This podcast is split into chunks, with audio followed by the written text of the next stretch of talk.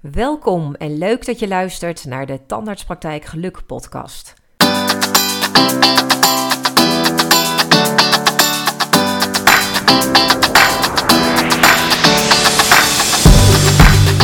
Mijn naam is Marcia van Wermerskerken en met deze podcast ga ik jou als tandartspraktijkprofessional inspireren om zoveel mogelijk werkgeluk te realiseren.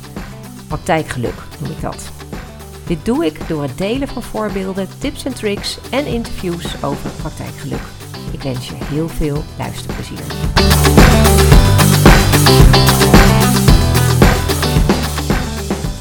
Hey, superleuk dat je weer luistert. En vandaag ga ik een podcast opnemen die ik al heel lang uh, in mijn hoofd heb zitten. Eigenlijk al heel lang uh, had willen opnemen omdat het gaat over het zuivere zielprincipe. En dat is wat mij betreft een onderwerp wat in elke praktijk um, ja, uh, vast onderdeel zou moeten zijn. Of in elk geval elke team zou moeten toepassen. Ik ga je er natuurlijk zo meteen meer over vertellen. Uh, mocht je nou niet actief zijn binnen de tandheelkunde, weet dan dat deze aflevering zeker interessant is. Ik denk wel voor elke organisatie. Dus luister. Ik ga je er meer over vertellen. Afgelopen week uh, mocht ik weer, uh, zo kwam ik namelijk uh, op dit onderwerp, ik moet het nu echt gaan doen. Afgelopen week heb ik eh, samen met Chantal Duin weer een feedbacktraining mogen geven voor een tandartspraktijk. Chantal Duin is zeg maar um, degene die hetzelfde doet wat ik binnen de tandheelkunde, maar dan binnen de diergeneeskundige wereld voor dierenartspraktijken. Uh, samen doen we dit vaker voor dierenartspraktijken en dus voor tandartspraktijken. Eigenlijk wel heel grappig, hè? maar uh, in beide praktijken, of type praktijken, uh, is natuurlijk feedback geven en ontvangen een belangrijk onderwerp. Um, ja, en het is niet alleen heel leuk om die training te geven, merk ook altijd dat we elke keer een team weer echt in beweging krijgen en ja, toch weer een soort van aanzetten om dat feedback geven en ontvangen gewoon voor veel teamleden en teams best wel spannend is.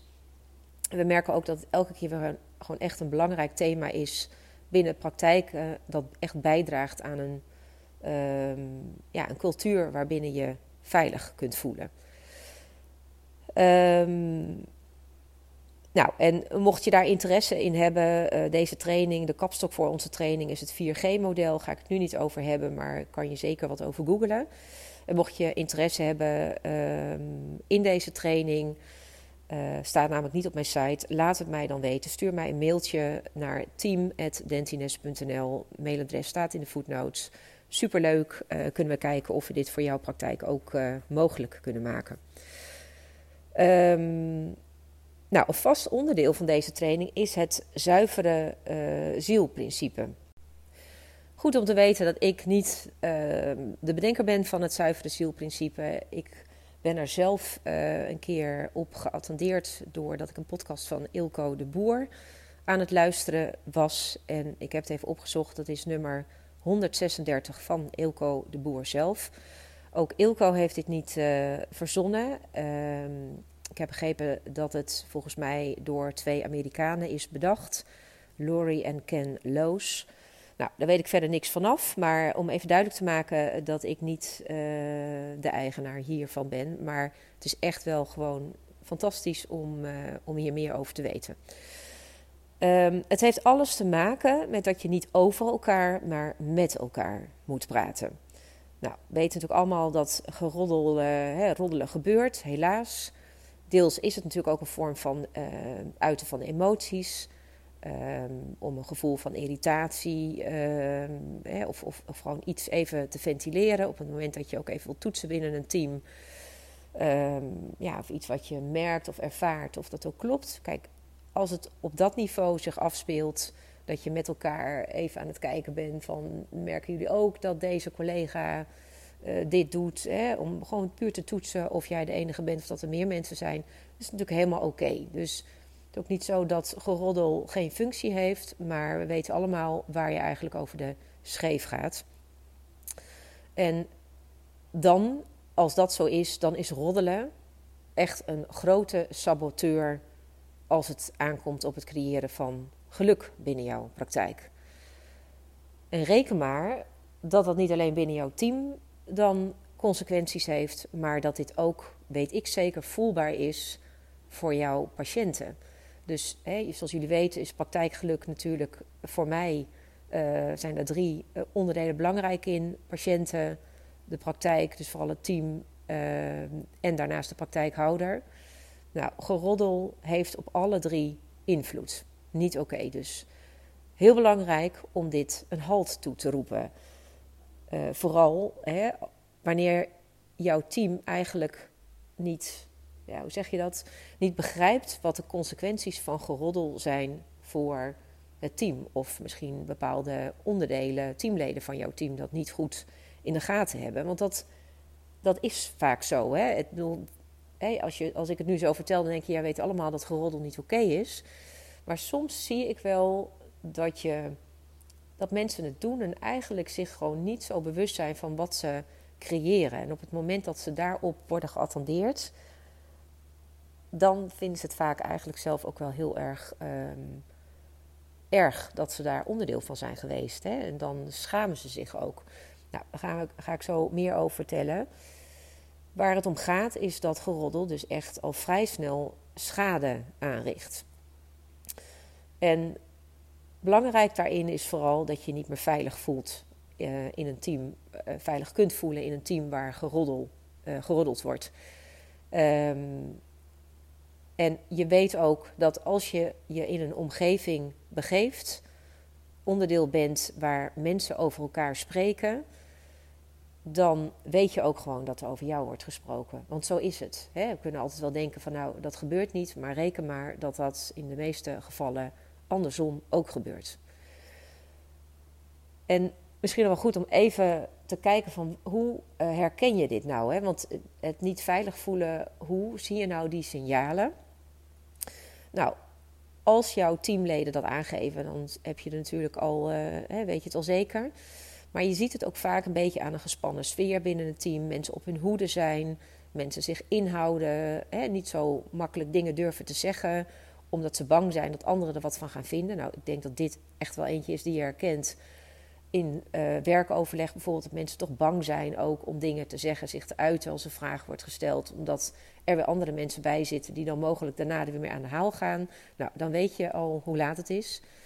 Um, en mensen gewoon geen vertrouwen meer in elkaar hebben. Um, ja, uh, niet zichzelf kunnen zijn. Ook wel een belangrijk als je merkt dat mensen toch um, nou, afwijkend gedrag gaan vertonen. Uh, ja, je hebt volgens mij net benoemd, maar je niet durven uit uh, te spreken uh, over zaken. Dus niet alleen in het team, maar ook naar jou als uh, manager of praktijkhouder.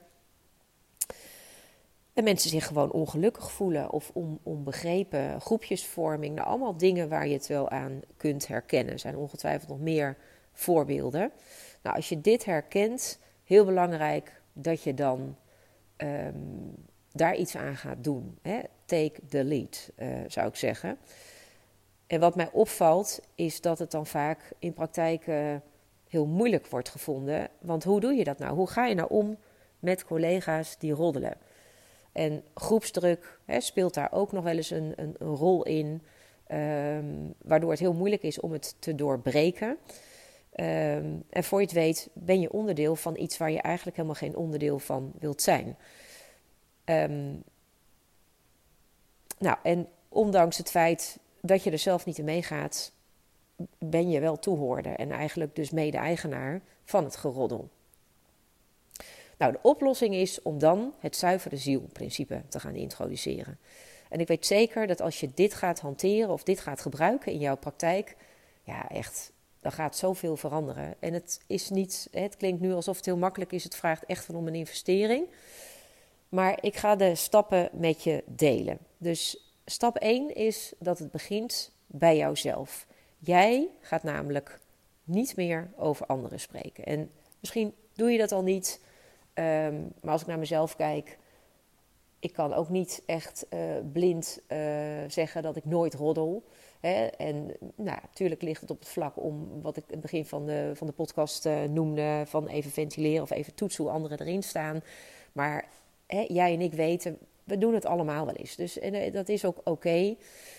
Maar stap 1 is uh, begin dat je daar zelf heel bewust mee bezig bent. Dat je dus niet meer over anderen gaat praten. En op het moment dat je het dan toch doet, zeg er dan bijvoorbeeld even bij van jongens, ik weet hè, ik wil niet roddelen, maar ik wil even toetsen of het bij jullie ook zo is. En dan hè, komen zo de volgende stappen. Maar dan maak je eigenlijk al duidelijk dat je dus weet dat je niet wil roddelen. Um, stap 1 dus, het begint dat je niet meer praat over anderen. Stap 2. Als jij geroddel hoort, um, dan ga je naar de betreffende persoon of personen toe. Hè. Soms sta je misschien ergens uh, een kamer schoon te maken of ben je uh, iets in een kamer aan het doen en hoor je collega's uh, in een andere ruimte het over een derde hebben. Op dat moment ga je naar deze mensen toe en hang je je stopwoord uit. En je geeft duidelijk aan dat je geen onderdeel wilt zijn van dit geroddel. Um, hè, dus ik noem dat hang je stopbord uit, zodat je op dat moment gewoon zorgt van: oké, ik wil hier geen mede-eigenaar van worden. Ik hoor nu iets wat ik niet wil horen. Ik ga in elk geval mijn rol pakken en zorgen dat ik naar die collega's toe loop uh, om dat duidelijk te maken. Dus dat is stap 2. Um, hang je stopbord uit. De volgende stap is dat je aan die collega's of die mensen de vraag gaat stellen of ze dit ook al met de betreffende persoon die onderwerp van het gesprek is, hebben besproken. En zo niet, maak dan heel duidelijk, hè, zeg dan: Ik wil hier gewoon niets meer over horen. Nou, en vaak is dat, die uitspraak doen voor de mensen die je aanspreekt al even zo'n wake-up call van shit, ja, dit is ook eigenlijk niet oké. Eh, en dat maakt ook al dat het stopt.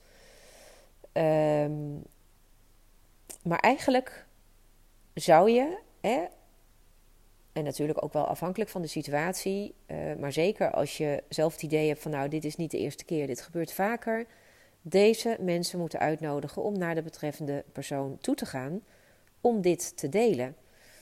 Dus verzoek de mensen die je hoort roddelen om die persoon te benaderen, waarover hè, die, die, die onderwerp van het gesprek is, om hem of haar persoonlijk te vertellen wat er speelt, of, of waar een irritatie over is, uh, waar tegenaan wordt gelopen. En het maakt niet uit of dat misschien al vaker aan de orde is geweest. Het is altijd goed om te checken of deze persoon uh, weet dat hier uh, mensen last van hebben. En zolang je dat niet hebt gecheckt en niet deelt, weet je ook niet, geef je deze persoon ook niet de mogelijkheid om daar wat aan te gaan doen. Um, dus de uitnodiging om iemand dat te laten doen, dat is natuurlijk het mooiste. Um, maar juist door je stopwoord uit te hangen en heel duidelijk aan, uh, aan te geven dat jij daar als collega niet van gediend bent, is ook een hele essentiële stap. Want als iedereen dat in het team doet, dan gaat het natuurlijk vanzelf de goede kant op. Hè? Want hoe meer mensen uh, dat doen, hoe minder er geroddeld wordt. Maar mocht je daar dan toch nog, uh, mocht je dat wel horen en uh, weet ook dat als jij iets hoort, dan ben je eigenlijk ook mede-eigenaar. En dat klinkt misschien wat zwaar, van hoezo, ik ben zelf niet aan het roddelen.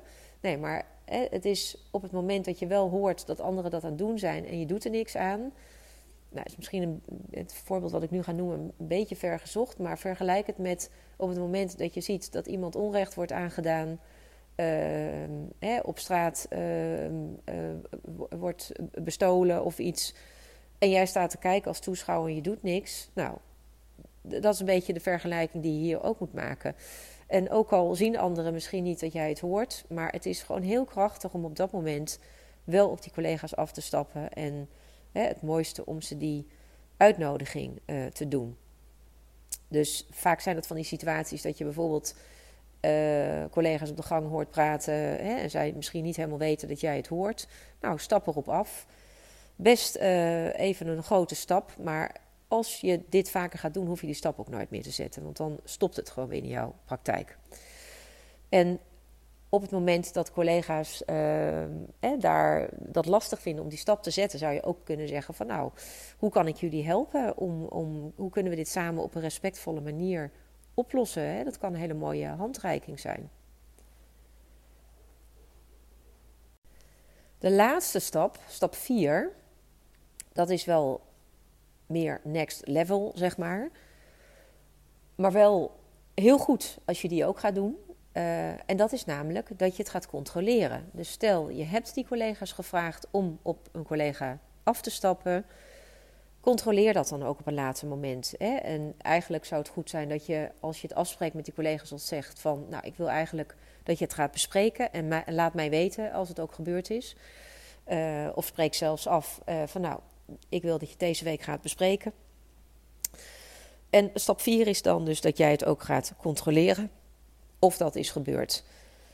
Um, en zo niet, want dat kan natuurlijk ook de situatie zijn dat mensen toch te spannend vinden en het niet doen.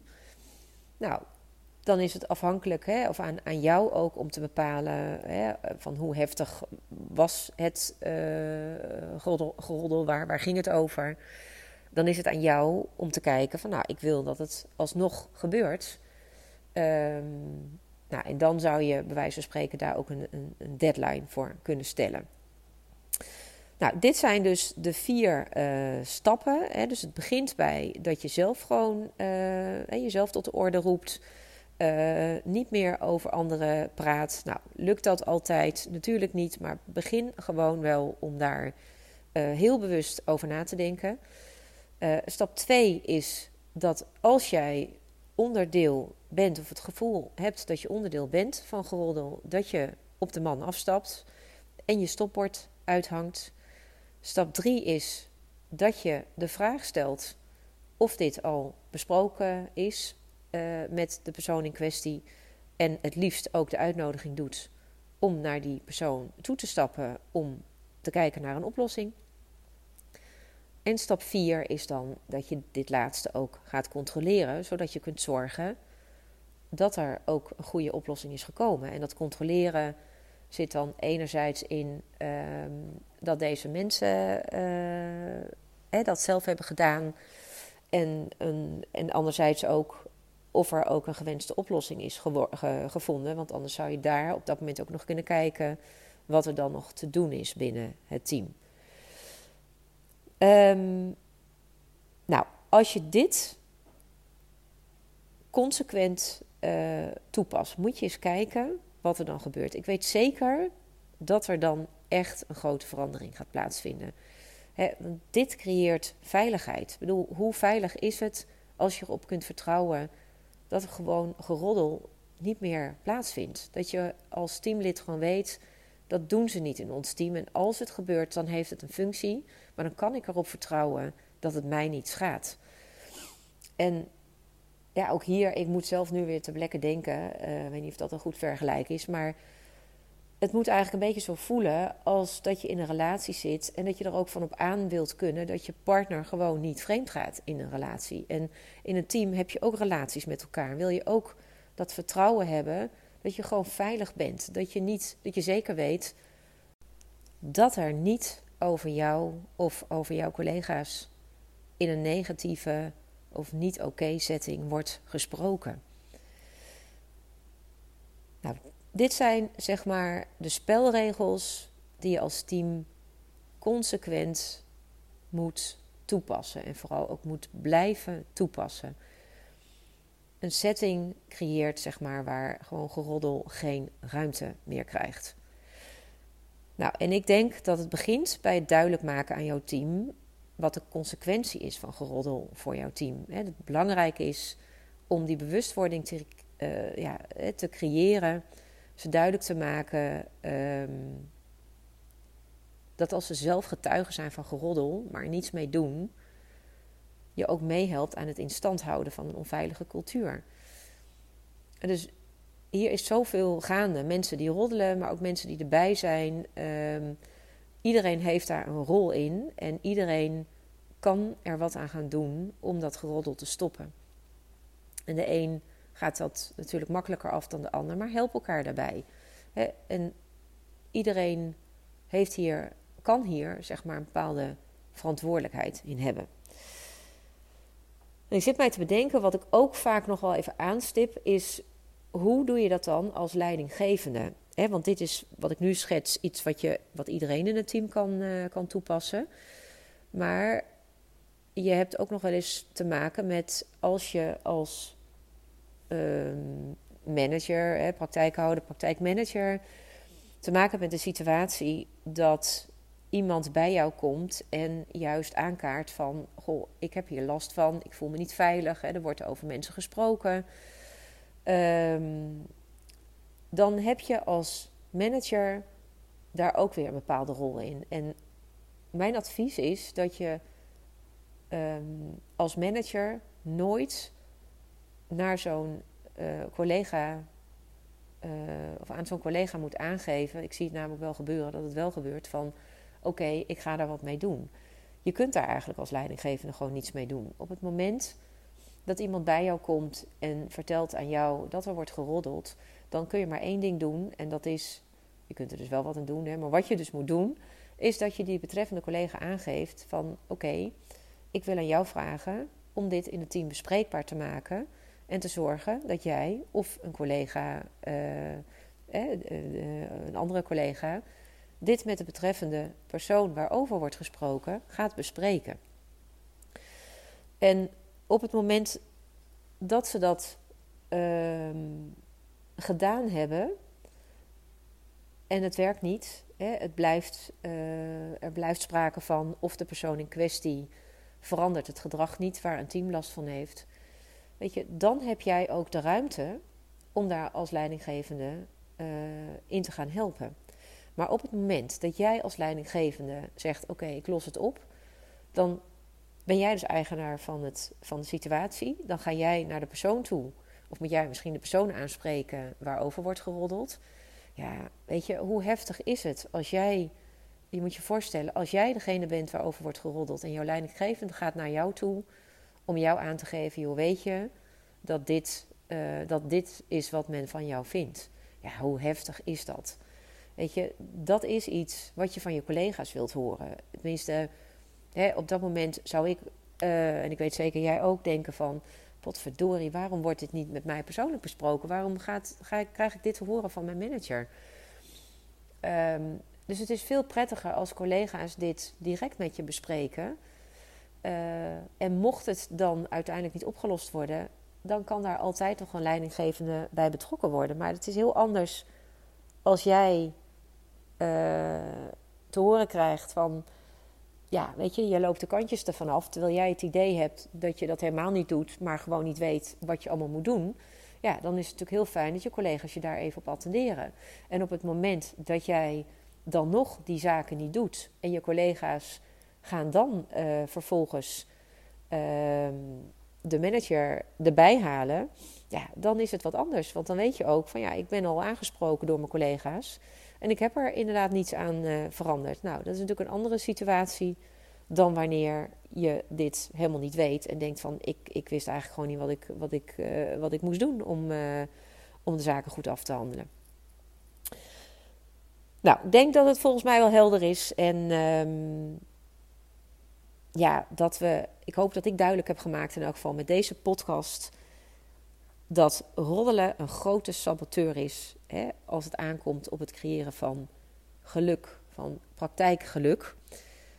En ook dat dit om een investering vraagt. Maar ik weet zeker dat het jou lukt als je hier consequent in kunt zijn. En um, ja, het begint bij jouzelf. Ik bedoel, als jij naar deze podcast hebt geluisterd, kan jij hier uh, binnen je team de eerste stap in zetten.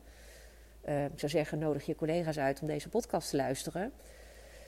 En uh, ga ermee aan de slag. Weet je, hier hoef je geen leidinggevende voor te zijn om dit uit te rollen. Het zijn eigenlijk gewoon vier simpele stappen die je als team met elkaar mag gaan uitvoeren. En waar je ja, eigenlijk een soort van afspraak maakt met elkaar. Dit gaan we doen. Ik ben benieuwd hoe het jullie vergaat, dus laat het vooral weten. Superleuk dat je luisterde naar de Tandartspraktijk Geluk podcast.